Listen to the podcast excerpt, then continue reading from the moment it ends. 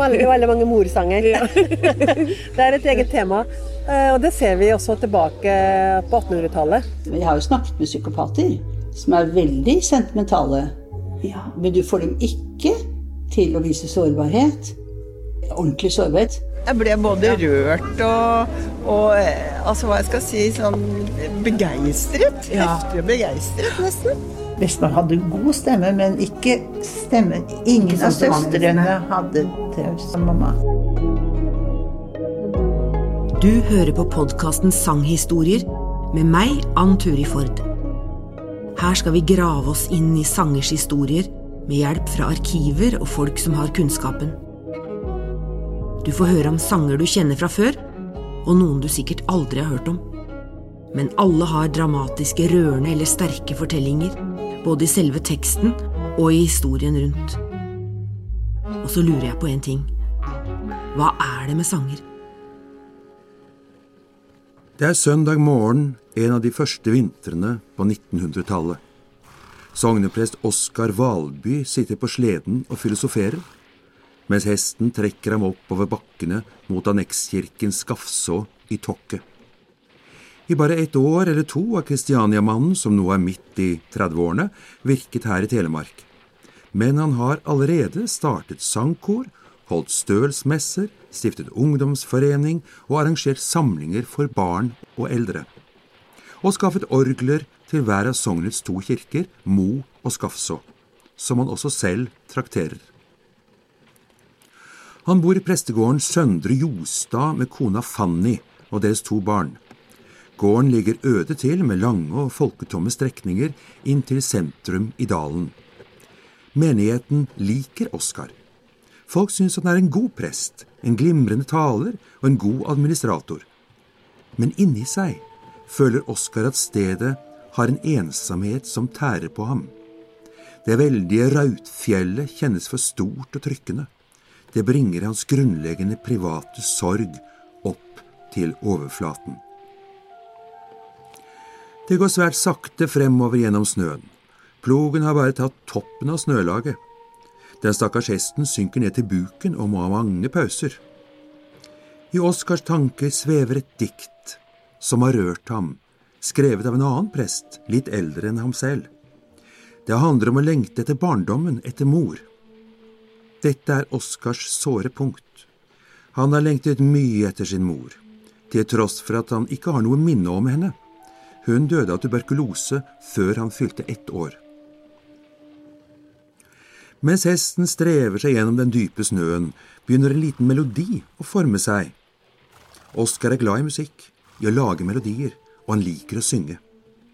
I studenttiden sang han tenor i Studentersangforeningen og tok sangtimer hos selveste Thorvald Lammers, Norges mest betydelige mannlige sanger på denne tiden. Lammers sa senere at en stor operasanger var gått tapt i Oskar Valby. Det at Oskar kaller datteren sin Mally, samme kallenavn som Lammers kone, er et tegn på hva sanglæreren har betydd for ham.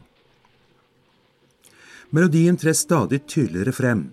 Snart kan han synge hele diktet. Han må få skrevet tonen ned. Han har en blyant i vesken. Men hva skal han skrive på? Oskar løsner knappen på den løse mansjetten han har rundt håndleddet. Han streker opp fem linjer på baksiden av det stive tekstilet. Nå har han omtrent ti ganger 30 centimeter med skriveflate. Men også den andre mansjetten må til innen melodien til Og mor, la meg legge mitt hode er notert. Nå vil han ikke glemme den. Å, mor, la meg legge mitt hode inntil deg som da jeg var gutt.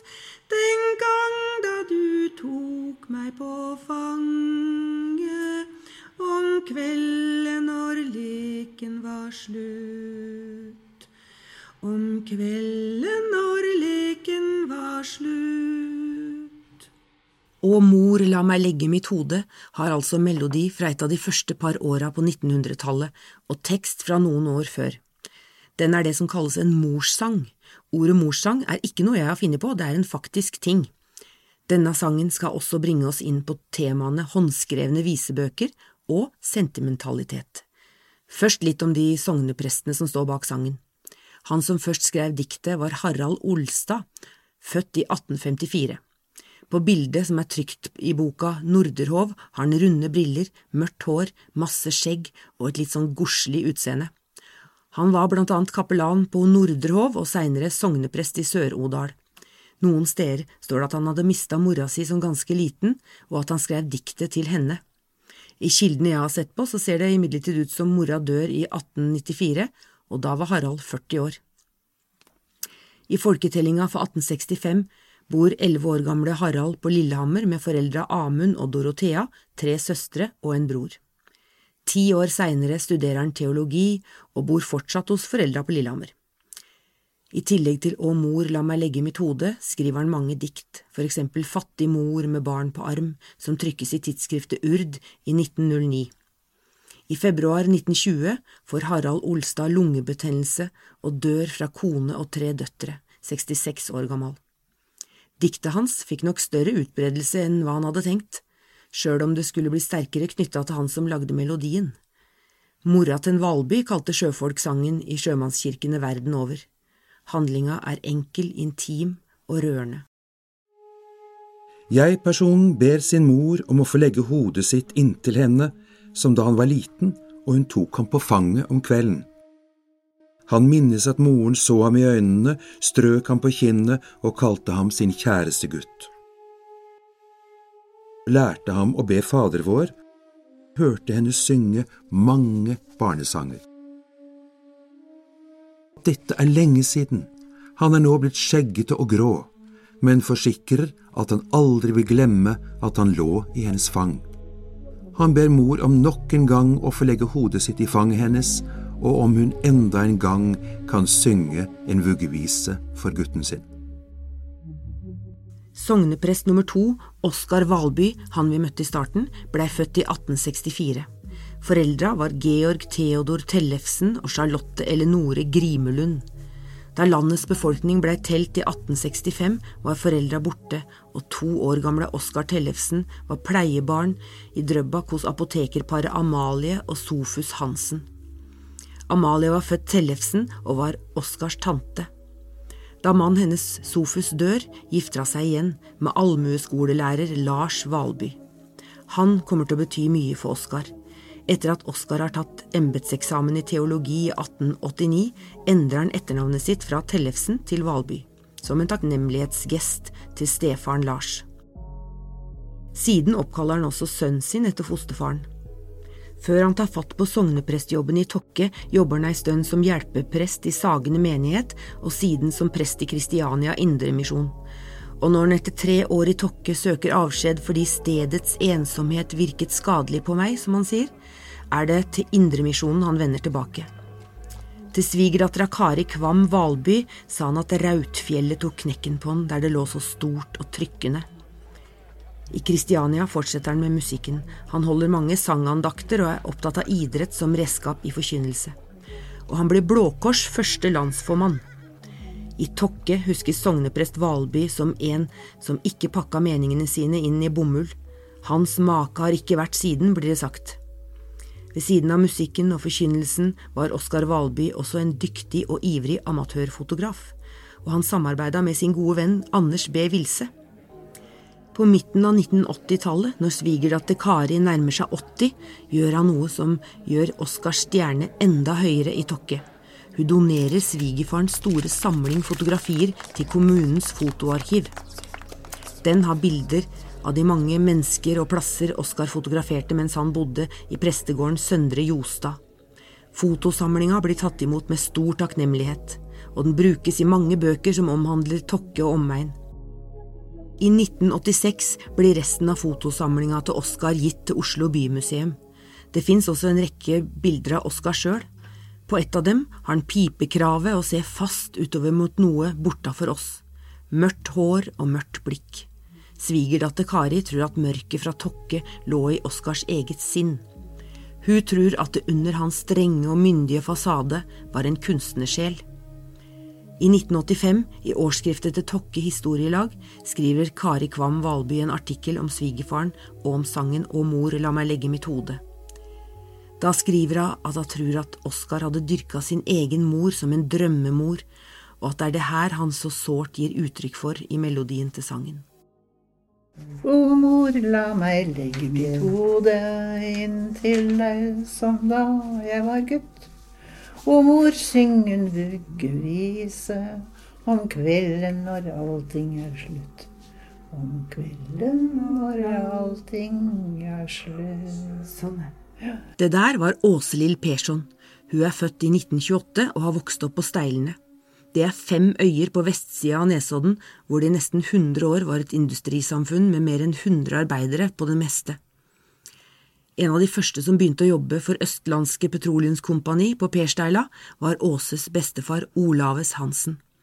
Han begynte som tømmermann i 1897. Åtte år seinere fikk kona hans, Asperg, i oppdrag å starte det som blei kalt en spiseforretning her, altså ei kantine.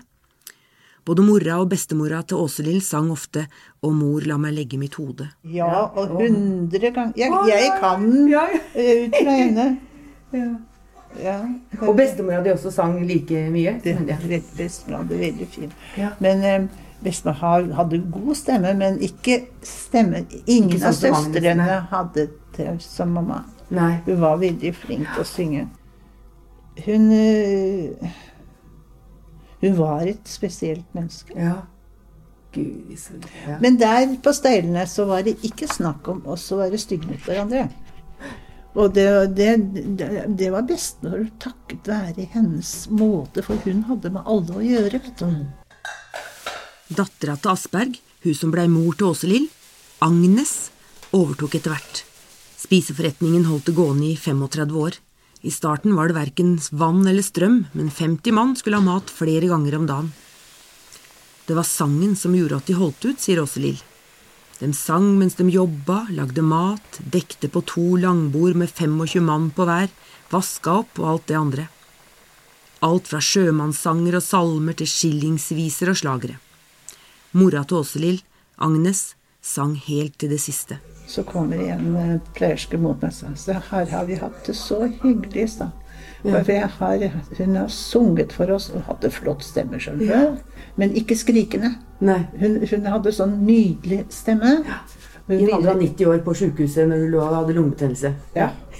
Og hun, um, hun ville gå og, og lære å synge, men jeg hadde aldri råd. Nei. Jeg hadde aldri råd til det den gangen, vet du. For at det, det var så mye annet. Og så mistet hun stemmen. Det var vel dagen etter så mistet hun stemmen. Agnes ville altså så gjerne bli sangerinne, men isteden blei hun på Steilene, overtok spiseforretningen etter mora og sang der. Åselill husker godt den flerstemte sangen som lød fra kjøkkenet da mora og tantene jobba i vei. Våren 1940 kom tyskere og tok over øyene og jagde alle på land. Åselill har et konkret minne fra sangen på Steilene, eller rettere sagt tre. Det er tre håndskrevne sangbøker. To av dem er datert 1915. Sidene i den ene av de to som mor til Åselill har ført, er nummerert med blyant. På side 30 står O mor, lad mig legge mitt hoved. På forsida til sangbok nummer to står det Sangbok for Edvin Alvik Sundén. Edvin Alvik, svensk sjømann, var forlova med din mor. Ja. Og jeg kjørte da på, ja, på utlandet, men uh, fra norsk rederi. Ja, så han bodde jo her i Norge. Men, og, da, og da, Han var ikke mye her, for han kjørte, båten kjørte så mye. Og Ja. da bodde han på Steilene hos onkel. Da, vet du. Han var bestekamerat av onkel. Og det var broren, altså selvfølgelig Det- broren til mora di. Ja, ja. Så han ble jo liksom igjen i familien, vet du. ja. På den måten. Ja. Og så forlovet de seg. Men han reiste veldig mye til Ja. utlandet og var borte lenge av gangen. Ja. Og så i mellomtiden så fant mamma pappa. Så hun slo opp med han. Stakkar. Ja. Og så så fikk han tuberkulose. Så han ble liggende på en av sanatoriene. Og da var jo onkel der stadig hos han. ja. Og, så, og mamma giftet seg. Ah. og fikk en gutt. Og da siste reisen han tok da, så hadde han kjøpt en liten dress i, i, ja, noe polstrede greier. Veldig, veldig fin. Til den gutten? Til den gutten. Og sendte til mamma. Ja. Ja. så mamma fikk. Det var nok veldig mye sårt der. Jeg tror det Men Rio sang av og til. Og så ble tilfeldigvis hans sangbok liggende igjen på steilene? da. Ja, vet du, for dem sang Altså, sangboken, den fulgte deg nesten bestandig. Sangboka etter kaptein Edvin Alvik starter med Kostevalsen, datert 3. mai 1915 i England. Mange av de videre sangene har også stedsnavn. Liverpool, Sunderland og Christiania står det ved datoen, med ulike håndskrifter. Her er det ikke bare Edvin sjøl som har skrevet ned visene, han har fått andre til å skrive inn sine sanger. Det er flere såre viser om mor. Under overskriften Fangens klage heter det Hvor jeg minnes mitt hjem og min moder. Teksten er fra et skillingstrykk fra slutten av 1800-tallet. Omtrent halvveis i boka finner vi også O mor, notert med fem vers 16.1.1916.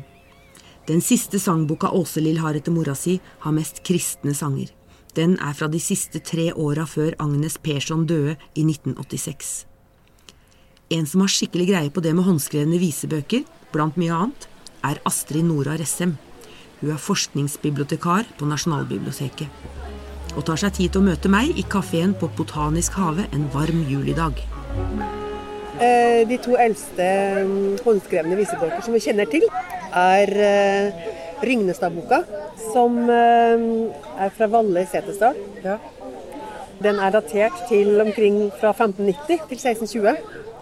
Eh, Skrevet ned av Tollef Åsmundsson på Rygnestad i Setesdal. Og den er i privat Den er i privat eie, så den eh, er det ikke gjort mye undersøkelser av, rett og slett. Du veit ikke hvilke sanger som er i den? Jo, det er, eh, det er eh, mye avskrifter. Ja. Det vet vi. Av danske religiøse sanger og salmer. Og så er det noen få danske folkeviser. Ålreit, ja. Og den nest yngste som jeg kjenner Ja. til, det er eh, Røldalsboka. Den ligger i Norsk folkeminnesamling. Og der er det flere eiere som har skrevet i etter tur. Ja. Mm. Og de fleste ser ut til å være avskrift fra trykte kilder. Altså, Ja. Det kan være forskillingstrykk eller altså, er bøker som har kommet ut. Og den er antageligvis påbegynt i 1609.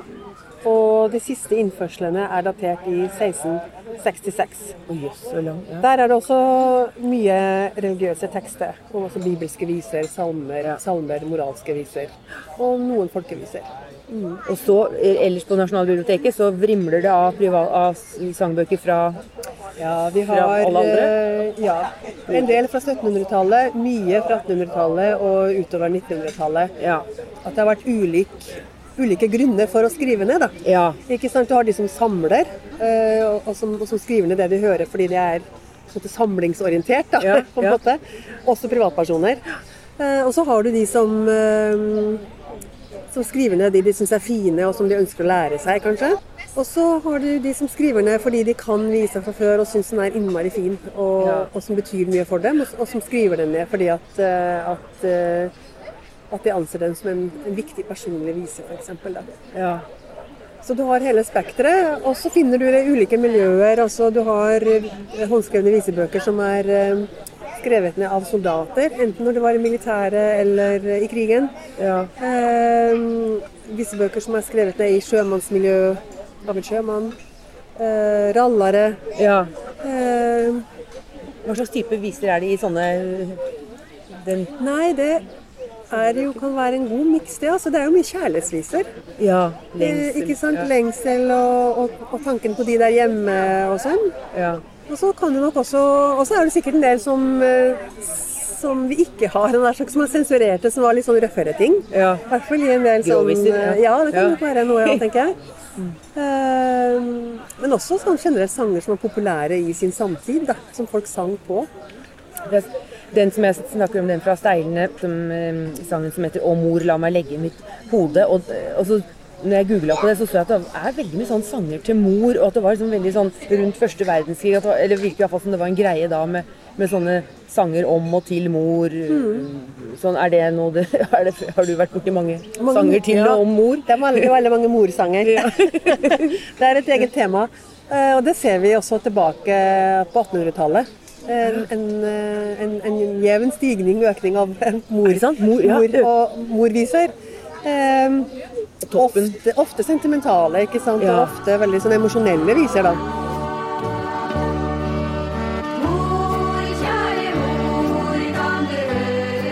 Mens barndoms minner om mor dukker Mor, hvor du er kjærlig. Mor, hvor du er god. Mor, jeg vil tilbake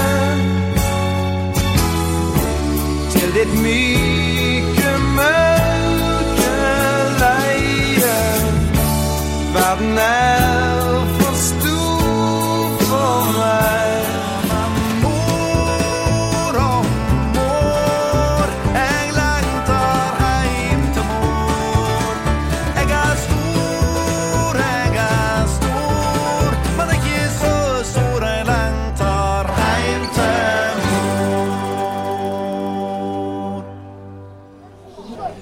Svensk forsker, Karin Strand, tok en doktorgradsavhandling som også kom ut i bokform.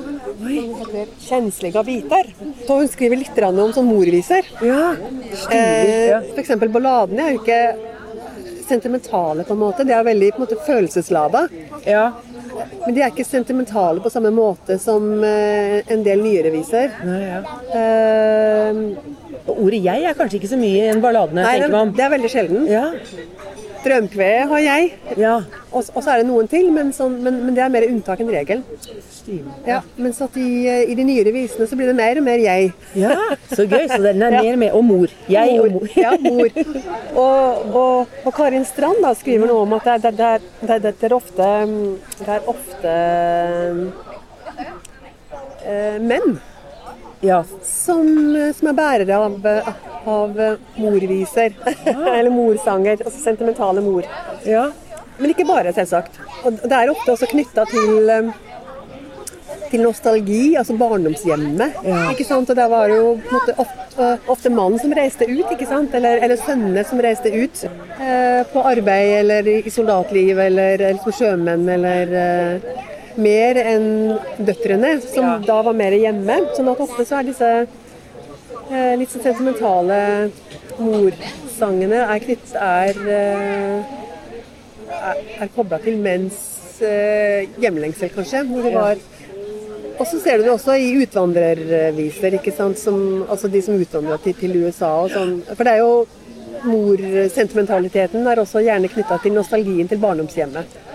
Og mor som en sånn, sånn følelsesmessig eh, stabil og nær eh, person, ikke sant? Som, som ofra alt for eh, barna sine, og som, og som også var knytta til mer og mer at, at, at kvinner var hjemme og husmødre òg, ikke sant. Og, Ja. og var et, etter hvert da, som at hu- husmorrollen ble mer sånn tydelig definert som husmorrolle utover eh, mot vår tid, så har du også en del av eh, som, som kobler mor som den stabile kjernen hjemme. ja. Ja. Og hennes kjærlighet og omsorg til, Ja. eh, til barna, da. Som, Jeg tenker på det, altså Hvis man er, eh, har en eller annen lengsel, forelskelse, hjemlengsel, så gjør det jo kanskje godt bare å få skrive den ned ja, òg. ja, ja, det er det jeg tenker. Ja. Altså Det å skrive ned noe som står deg nært. Ja. Ikke sant? Ja. Så Det kan være nesten litt sånn terapi. Ja. Å samle seg om skriften. ja. Sånn at, eh, og, så er det jo som jeg også sa, at det er at det er mye godt uh, i ungdomstida. Ja. Man skriver uh, den type bøker. ja. Uh, og det er jo kanskje da man har heftigst følelsesliv også. Ja. Og, og, og, og mest kanskje intenst samlertrang også, eller, eller hvem vet. Men eldre skrev jo også av, og du har mye av de eldre visebøkene der du ser det er godt voksne folk som har skrevet ned. Men, men du, det er jo ikke an å si hvor mange Nasjonalbiblioteket har av dem, men det er mange. Det er, det er liksom Ja, Ja. vi har altså Vi har en del. Men jeg har ikke peiling hvor mange. Jeg har ikke telt. Jeg har ikke Kusina mi som jeg vokste opp sammen med, som er litt eldre og som hadde sånn slagbok, hun, den er selvfølgelig borte. Eh, Ja. Den folk bare, ja, helt verdiløst, bare kaster det, liksom. Det er jo så synd. Ja. Det er ganske vanlig Ja. at sånt blir kasta. Da jeg var liten, så bodde jeg og foreldra mine sammen med tanta mi, kusina mi Libente og bestemora vår. Libente er åtte år eldre enn meg, og hun hadde minst et par slagerbøker, sånne grå kladdebøker hvor hun limte inn sanger fra ukebladene og skrev inn tekster sjøl. Og så hadde hun venner på besøk og satt i trappa i gangen og sang sammen med dem, mens jeg satt borte i kroken. Slagerbøkene til kusina mi er borte, men jeg har fått låne ei tilsvarende bok, ei kladdebok av typen emo, kjøpt på S-laget for 3 kroner og 60 øre en gang på 1960- eller 70-tallet. Gamle visere for Karen Brattrud, står det. Skillingsviser og slagere fra ukebladene er blitt limt inn, og noen av sangene er skrevet inn for hånd. Det er skikkelig hyggelig å bla i den boka til Karen. I år 2000 så ga Sissel Bjørgan og Magnhild Bruheim ut ei bok med sine slagerminner. Den het Lykkeland. Her forteller de om åssen de satt ved radioen da ønskekonserten begynte, klare til å skrive ned tekstene som blei synget. Si farvel til din mor før du rusler om bord, kan vi lese i sangen Førstereisgutten. Før du rusler om bord, og skriv hjem når du leilighet får. For vi tror jo om deg på din bølgende vei, at du en gang blir skipperen vår. Jorunn Hermansen er ei av ganske få som har via interesse til disse her nye, håndskrevne sangbøkene. Jorunn var forut for sin tid da i 1978 skrev semesteroppgava Sangtradisjon i en familie, en analyse av bruksfunksjon og holdninger, i Folkeminne mellomfag. Den handler om sangtradisjonen i en familie på åtte i to generasjoner, og den har jeg fått låne. Jorunn gjorde opptak i familien og kopierte flere håndskrevne sangbøker som var påbegynt mellom 1944 og 1962. Bøkene er stensilert på slutten av 1970-tallet, sånn at de må lyrikkes fra hverandre. Her er Tullingen, Korset på Esters grav, Perleporten, Liljen i dalen, Fly lille fugl, Krigens ofre og en hel haug andre. Den handler om sangtradisjon i en familie i Indre Østfold. Min venninne, som er en del av den familien, som jeg ble venninne med på 70-tallet, eh, hun var en veldig sånn sangglad person og ble sunget veldig mye når vi var sammen. Det var mange sanger som jeg ikke kunne, og som jeg syntes var veldig interessante. Og så når jeg var sammen med familien hennes, så kunne jo de de samme, alle kunne de samme sangene. Og jeg skjønte at dette her var det var en skikkelig familietradisjon som gikk i flere generasjoner. Jeg har jo da vært sammen med foreldrene, de fire barna, hvorav min venninne var en av døtrene. Og med en kusine og en fetter av dem. Og i tillegg så snakket de jo om tanter og onkler og besteforeldre som alle var del av dette her. Og det har jo noe å gjøre med det, med det eh, haugianske miljøet, egentlig, i, i eh, området der. Hvor, hvor de var liksom oppdratt i den tradisjonen, og da sang de religiøse sanger fra, fra disse bedehusene. Men ikke bare i religiøse? også- Nei, og så hadde du jo alle disse andre som var mer sånn eh, skillingsviser og mer folkelige viser. Jorunn er redaktør for Folkeminner, Norsk Folkeminnelags organ, og sitter i styret for Middelalder-Oslo. Men akkurat nå sitter hun på Aker Brygge sammen med meg og kaster lys over en ganske nær, men også ganske glemt fortid. Hva var, det, var det noe som overraska deg den, når du skrev om dette her? Ja, i grunnen hele tiden så var det jo det, fordi, fordi det var jo for meg veldig, veldig eksotisk. Ja. Det var så langt ifra den, eh, den virkeligheten jeg var vokst opp i. Så ikke så mye sang rundt bordet? Jo, men vi hadde jo ikke et sånn kjemperepertoar som det. Nei. Også ikke den type sanger heller. Stilende. Men åssen ble den oppgaven tatt imot av liksom, eh, heter det, Folkeminnefakultetet? Hva heter det? Instituttet der oppe. Instituttet, ja. Nei, vet du, det Jeg fikk jo god karakter på den, men den, den ble jo uglesett veldig, da, fordi at det- Sier du? Ja, fordi at For det var så nytt. Og det, altså, den gangen så var man ikke vant til at man liksom forsket på noe som eh, som var her og nå. Nei, ja. Det, var, man skulle helst, det skulle helst være noe veldig gammelt fra langt ut på landet, tror jeg, egentlig. Altså, jeg har jo da to eh, håndskrevne sangbøker å støtte meg til, som har jo vært i, i familiens eie. Og så er det noen av de andre medlemmer i familien som har klippet ut fra ukeblader Ja. de sangtekstene, og limt inn og hatt sånne hefter med det som de har brukt når de har sunget. Og Og eh, det ble jo sett veldig rart på, fordi at eh, det skulle helst være enten muntlig tradert, bare gått fra munn til munn, eller så hvis du hadde skrevet det ned selv og notert, så, så var det på en måte greit. Hvis du hadde fått det overlevert skriftlig fra noen andre, så var det på en måte ikke helt ekte tradisjon. Men altså, du var jo tøft at du liksom klarte å stå, stå på og ikke lot deg knekke. Og... Ja, altså jeg, jeg, jeg gjorde det, men altså det Hvorfor det, tror du? Nei, fordi at jeg syns jo at det, Altså, for meg så var dette her eh, interessant nok til at jeg ville stå på med det. For du ble på en måte rørt av den familietradisjonen? Ja. Du ble liksom, du, her, Ja. Dette er noe som jeg ikke kjenner, dette ja. ikke sant? Ja. Jeg ble både rørt og, og eh, altså hva jeg skal si, sånn begeistret. Ja. Heftig og begeistret, nesten. Så, altså, det er jo fantastisk. For det er, det er vel Er det noe mer som er skrevet om akkurat den typen dette her? Det vet jeg jo ikke. Er det noe du har tatt med deg videre? Synger du ofte Se Norges Blomsterdal og Tullingen og sånn? Ja, det, det gjør vi faktisk. Særlig, særlig Tullingen, og særlig eh, Jeg husker jeg plutselig ikke hva den sangen heter, men den begynner sånn Hun var gammel, trett og sliten. Hennes hår var nesten hvitt. Eh, det er altså om en, pre, en eh, sånn frikirkemenighet hvor eh, denne gamle konen blir henvist til å sitte bakerst, skal komme en ny predikant og preke, og da sitter alle de unge damene stripyntet foran og vil ikke la henne slippe til. Men hun var predikantens mor, forstår du.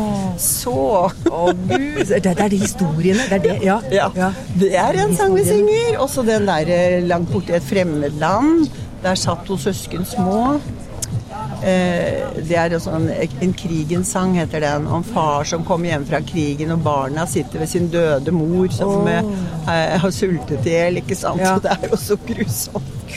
Men, men det er ofte de grusomme de, de tinga vi liker. Eller Ja, hvert fall og så mange. kan du, du kan le litt av det, men det er jo, du får jo klump i halsen. Det det var jo sikkert godt. verre i virkeligheten. Altså- Ja, ja, er du gæren? Og så kan man lure på hvilken krig er det de snakker om, hvilket land er det de Men jeg tenker at det har jo vært kriger hele tiden, så det, det er skal ikke lese. så lenge. Men da du sier vi, altså du synger aleine for deg sjøl, eller med venninna di, eller hva? Nei. Jeg synger jo ikke så mye aleine kanskje på akkurat de sangene der, men, men vi, vi blir minnet på det av hverandre når vi er sammen med når jeg er sammen med venninna mi og hennes uh, søsken igjen. Da. Ja. Så skal det ikke så mye til før det dukker opp.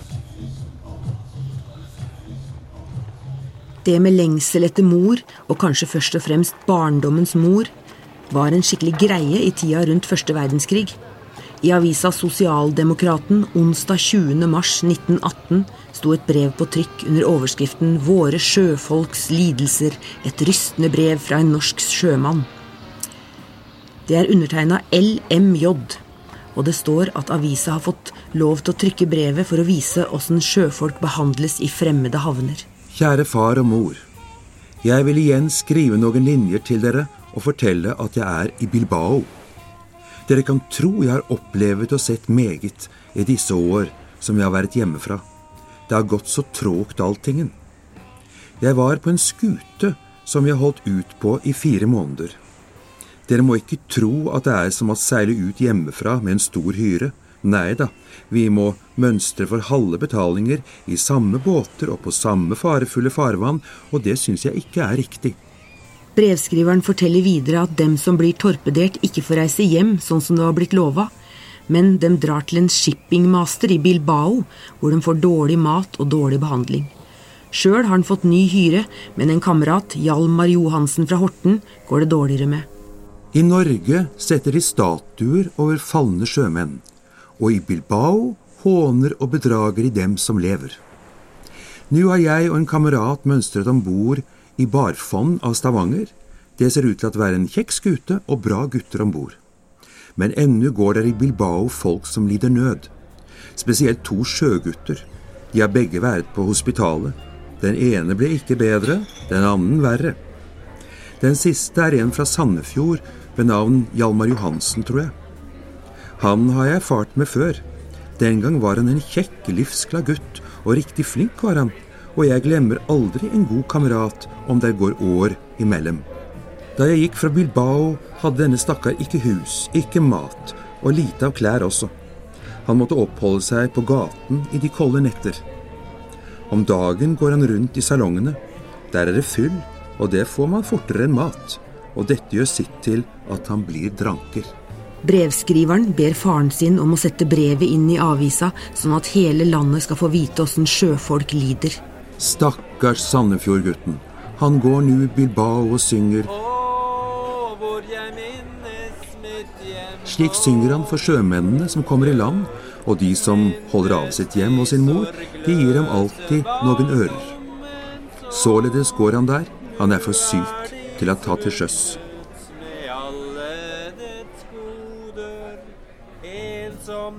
Og sorgfull i verden jeg går. Et annet vitnesbyrd om at sanger om mødre har vært populære, er denne avisannonsen for morssange som sto i mange aviser både i 1922, 23 og 24. Morssange. På Håkon Zapfes musikkforlag Kristiania er i anledning morsdagen utkommet nye opplag av de vakre morssange. O, hvor jeg minnes mitt hjem og min moder, og Ved mors grav av Fridtjof Hansen, samt Vær snill mot mor av Rode Jacobsen og Min mor av Reidar Thommessen. Unge menn som gjennomgår prøvelser, sjøfolk langt hjemmefra og i krig, har funnet trøst i sentimentale viser om mamma. Hvilken funksjon har denne sentimentaliteten hatt? Altså selve følelsen? Det er jo ikke så rart. Altså, ikke? Altså, sentimentalitet Sentimentalt betyr jo egentlig bare følelser. Men det er ofte litt sånn overdrevne følelser, og det er ofte ensidig fokus på følelser. Ikke sant? Og det er liksom sånn utilslørte emosjoner, på en måte. Så det er jo en slags sånn, sånn knyttet til melankoli, knyttet til eh, tristhet, til lengsel. Ikke sant? Man pynter ikke på det, man, man mentaliserer det ikke. Man, det er jo ofte knyttet til kanskje noe, noe som har vært da, et minne. Det der var Anne-Britt Sylvareik. Hun er psykoterapeut og spesialist innen, blant mye annet, tilknytningstraumer. Og hun veit hvor viktig ei mor kan være. Men altså, hvor, hvorfor liker vi det litt? Det er jo fælt. Det, eh, på sjøen og lengter etter mor. Og, og hvorfor er det litt lov å synge en sang om kjære mor? Ja, men altså uten, uten disse følelsene så hadde jo familiene blitt oppløst, og familiebåndene blitt oppløst. Det er liksom den grunnleggende kjærligheten mor-barn. Sånne grunnleggende eh, bånd som man eh, måtte Som sitter i oss, uansett hvor gamle vi blir. Men er det, møter du det i din hverdag nå? Altså, Absolutt. Og det er klart eh, Det jeg alltid spør om, er er det en primærfølelse eller er det en sekundærfølelse? I den forstand er det en, en grunnleggende følelse, eller til, dekker den til over en annen følelse? er sentimentalitet kanskje en sånn sekundær? Ja, en sekundærfølelse som dekker over en dypere følelse. Av kanskje til og med Altså, noen mennesker er øh, gråter når de er veldig sinte. Ja. Og noen er veldig sinte når de egentlig er veldig lei seg. Så det å sjekke ut om det er en primær eller sekundær følelse i forhold til det med sentimentalitet ja. eh, Og så er det noen som bare så vidt sneier innom tristheten, og da blir det jo sentimentalt. Hvis du virkelig kommer i kontakt med tapet eller sorgen, så kommer det, er det ikke sentimentalt lenger. Det er en dyp sorg Ja. og tristhet. Så, men det å, så de sjømennene, for å ta dem, da, Ja. så er det den, kanskje den sentimentaliteten og tanken på mor, eller sanger om mor, er en sånn hva da, At den dekker over det, det, de store, vanskelige følelsene? Ja, som tap av barndommen. eh, Nå er jeg Ja. plutselig alene og står på egne ben. Nå er jeg plutselig voksen. Det er ingen vei tilbake. Nei. Livet mitt vil aldri bli den samme. Så blir jo mor et symbol for dette. Ja. Og så kan det ligge noe mye mer under. ikke sant? Fortvilelse, avmakt. Så det kan være en slags pyntefølelse. da. Så det å bli rørt av våre egne minner eller andre folks tristhet, det er noe vi kan trenge på en måte. Men følelsen sentimentalitet er ikke særlig trendy nå for tida. Ja, altså Vi, vi latterliggjør litt sentimentalitet kanskje i dag. da. Det er litt umoderne i dag. Ja. For det er liksom en sånn eh, kitsch-effektfølelse på et vis. det skal være liksom mer alvorlig og sosialrealistisk og dypere og, og, og, og sånn. Hva, hvilke følelser er det som er inn nå, holdt jeg på å si, som terapi? Hva, hvilke følelser er det, vi, hva er det folk sier 'Å, jeg føler meg så' sier Ja, de sier det. Altså angst, selvfølgelig. Angst, det er. Eller det er Ja, en men, angst er, men angst er ofte baksiden av sinne. For angst er når du ikke Angst er når du retter sinnet ditt innover mot deg selv, når du selv kjenner at du har feil, og ikke tillater den egentlige følelsen. Ja. Da blir det angst. Ja. Uh, ikke sant? Slik at du kan jo speile disse følelsene. Angst innover og sinne utover. ikke Ja. Og så har du uro, så har du eh, Depresjon er jo depresjon. trist. Ja. Depresjon er ikke en følelse. Det er å legge lokk på følelsene som egentlig er her. ja. Du, du nummer deg på en måte. Men følelsene våre er altså de samme til alle tider. Følelsene er de samme. ja. Du blir jo like rørt av noe som er skrevet på 1700-tallet, holdt jeg på å si. Emily Brontë og sånn. Ja. Det, er jo, det er jo de samme Men det er litt med det at sentimentalitet går mye på føl føleri. ja, føleri. Det er føleri, og man føler og føler og føler uten å kanskje ta med seg hodet og sammenhengen og hva annet er med her. Så det er mye sånn følerier. Ja. Overdrevent følerier, og ofte mot det søtladende, da, ikke sant? Og så kan du det selvfølgelig butte bytte mot mannsrollen, ikke sant? Altså en sjømann gråter ikke, liksom. Så sier Anne-Britt noe rart om sentimentalitet. Men Jeg har jo snakket med psykopater som er veldig sentimentale. Men du får dem ikke til å vise sårbarhet. Eh, ordentlig sårbarhet. De kan være liksom sentimentale og gråte og bli minnet og, og, og sånn på ting og tang. Men det er mer krokodilletårer enn at du får lov til å slippe inn i deres egne sårbarhet, for den er truende. Det øyeblikket de viser sårbarhet da, så slutter de.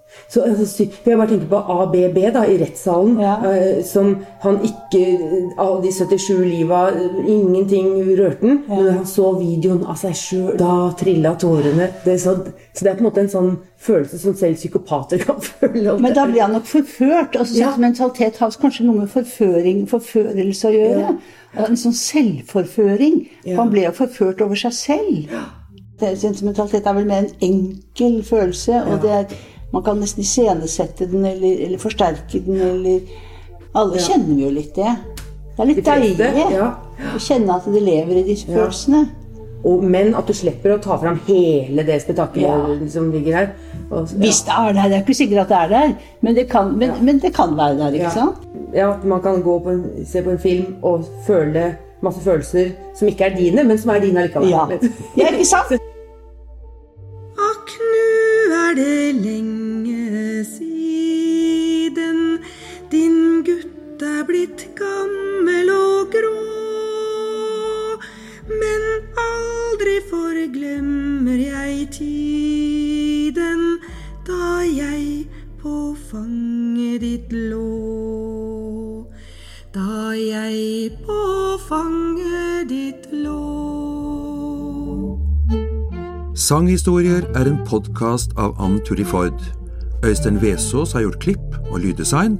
Jo Koltvedt har lagd musikken, og Gjermund Koltvedt har vært med å spille den. Manus og research er ved Ann Turi Ford. Jeg, Leif Blix, har lest inn tekster.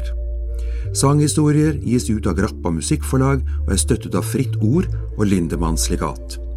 I episodeinfoen finner du flere opplysninger og relevante linker. To små ting helt til slutt. For det første, hele familien til Åselill Persson fra Steilene var musikalske. Onkelen Boje Hansen var svært flink til å spille fiolin, og det blei hans to sønner også, Bjørn og Ørnulf Boje Hansen. Og i neste generasjon finner vi musikkstørrelser som Per og Terje Boje Hansen.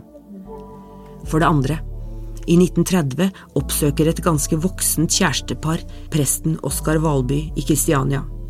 Anne og Olav er rundt 60 år og har kommet hele veien fra Tokke for å spørre sin gamle prest om én ting. For mange år siden blei dem nekta av foreldra å få hverandre. De har venta, og nå kan det endelig skje. Foreldra er borte, og dem kan bli herr og fru Utabjå. Hvis Valby vil vie dem. Når han gjør det, er sogneprest Valby 66 år. Åtte år seinere går han bort.